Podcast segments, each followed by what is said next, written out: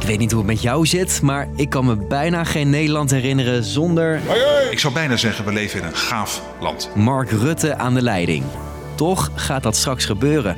Na bijna 13 jaar als premier, de langstzittende premier ooit, zei hij... Gisterochtend heb ik het besluit genomen dat ik niet opnieuw beschikbaar ben als lijsttrekker van de VVD. Ik vind het wel bijzonder, want eh, ja, hij zit er nu al zo lang. Maar misschien is de tijd ook wel geweest, zeg maar. Ja. Hoe kwam Rutte ooit de politiek in? Hoe deed hij het als premier? En wie pakt het stokje van hem over? Ik ben Steef en ik vertel het je. Lang verhaal kort. Een podcast van NOS op 3 en 3FM. Rutte begint als hij 21 is bij de JOVD, de jongerenclub van de VVD. Ik vind dat de VVD moet streven naar samenwerking waar dat mogelijk is met D66 als één. En ook al overweegt hij pianist te worden, belandt hij via de studie geschiedenis bij het bedrijf Unilever. Je weet wel van Unox. Maar in 2002 lonkt de politiek weer. Rutte wordt gevraagd staatssecretaris te worden in het eerste kabinet van Balkenende. Hij neemt die baan, al is hij dan niet per se van plan lang in de politiek te blijven. Voor, voor een jaar of vier, vijf. eh, en ik moet natuurlijk in de loop van die vier jaar dadelijk gaan kijken wat ik daarna weer ga doen. Of ik dan terug ga het bedrijfsleven in. Maar van een terugkeer naar het bedrijfsleven komt het niet. Rutte blijft staatssecretaris van de VVD en stelt zich in 2006 verkiesbaar. Voor de verkiezing voor het lijsttrekkerschap eh, van de VVD. Hij wint die verkiezing Mark Rutte is gekozen tot. en vier jaar later wint hij de Tweede Kamerverkiezingen. Minister-president Mark Rutte. In de jaren die volgen ontpopt Rutte zich als populaire lijsttrekker die vier Tweede Kamerverkiezingen wint. En met veel overtuiging ook. Zo behaalt hij in 2012 de hoogste score ooit voor de VVD, 42 zetels. Hoewel het leek alsof Rutte overal vrolijk doorheen fietste, weekend nog, hè? Pas op, jongens. maakte hij als premier een hoop dingen mee. Zoals vliegtuigramp MH17. We willen de onderste steen boven krijgen. En ook bij de start van de oorlog tussen Rusland en Oekraïne en de coronacrisis stond Rutte aan het roer van ons land. Als premier kreeg hij complimenten. toch het respect voor iemand die 13 jaar alles aan de kant gezet heeft, ziel en zaligheid heeft ingezet voor zijn land. Ja, toch wel respect. Maar hij kreeg ook kritiek op politieke keuzes en acties.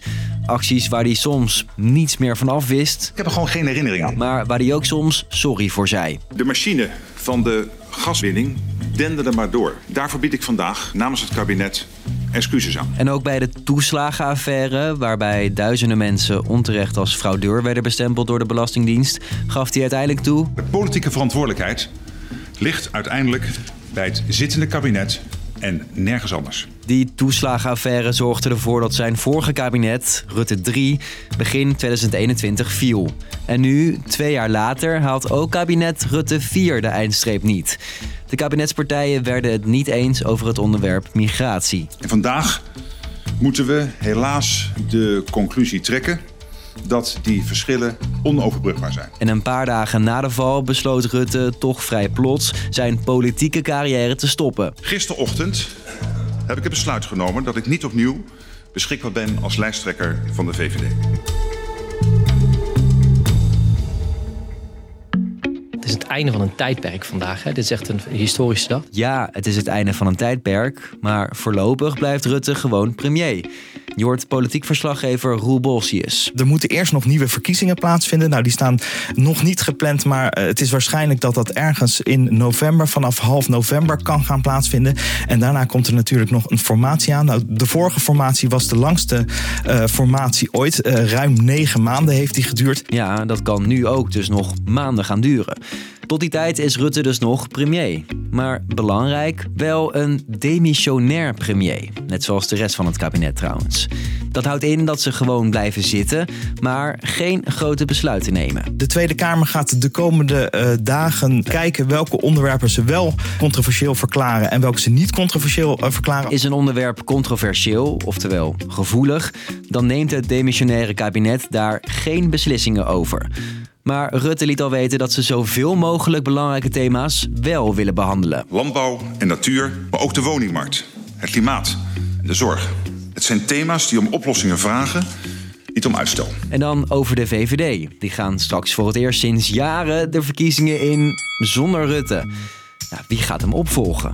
Een aantal namen gaan rond, zoals die van Eerste Kamerlid Schippers.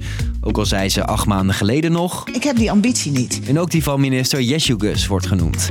Of zij het wil, wilde ze twee dagen geleden nog niets over zeggen bij Op1. Dat gaan we dan zien. Ik ga eerst voorlopig uh, even eerst een dutje doen.